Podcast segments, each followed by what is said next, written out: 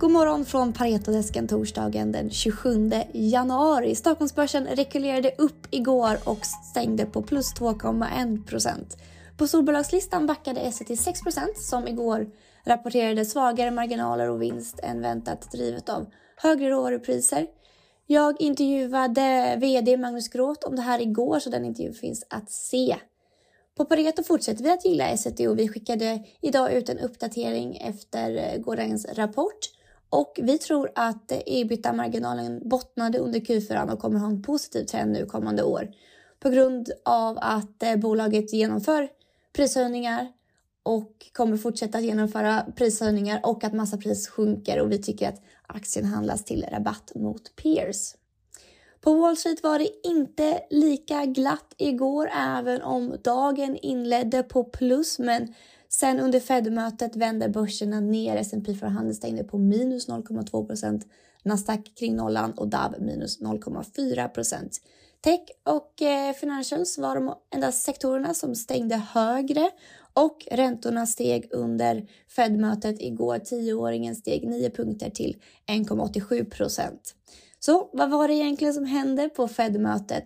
Jo, ett ganska väntat möte, men Fed gillar ju att hålla alla dörrar öppna för att kunna ge marknaden olika tolkningar. Så själva mötet i sig gav inga större förväntningar. Det kom inte fram någonting som direkt kunde skrämma marknaden ytterligare. Inga förändringar i räntepolicyn och de bekräftar räntehöjning i mars och kommer fortsätta att minska månatliga stödköpen och avsluta dem i mars. Men hur mycket kommer man höja räntan och hur snabbt efter det? Ja, där är det inte lika tydligt och det här är ett exempel på att Fed gillar att lämna många dörrar öppna, men de sa att de kommer vara beredda.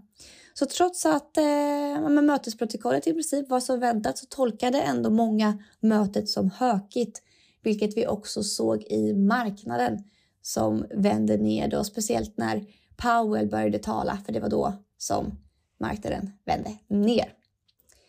Vad händer i Sverige idag då? Jo, vi har fått eh, rapport från SCB som i stort sett var i linje med förväntningarna bland annat. Och så har det kommit nyheter från Sedona Medical att aktien har varit lite pressad det här året. I morse publicerade Storbritannien det slutliga vägledningsdokumentet för Sedaconda för sedering och vi förväntar oss ett formellt godkännande i Storbritannien under första delen av 2022. Och vi tror att den här nyheten kan ge en liten skjuts till den pressade aktiekursen. Det var det jag hade att bjuda på idag. Vi är tillbaka igen imorgon och nästa vecka då kommer jag att vara inne på kontoret igen så då är vi tillbaka som vanligt från Paretodesken. Tills dess, ha en trevlig torsdag. Vi hörs imorgon.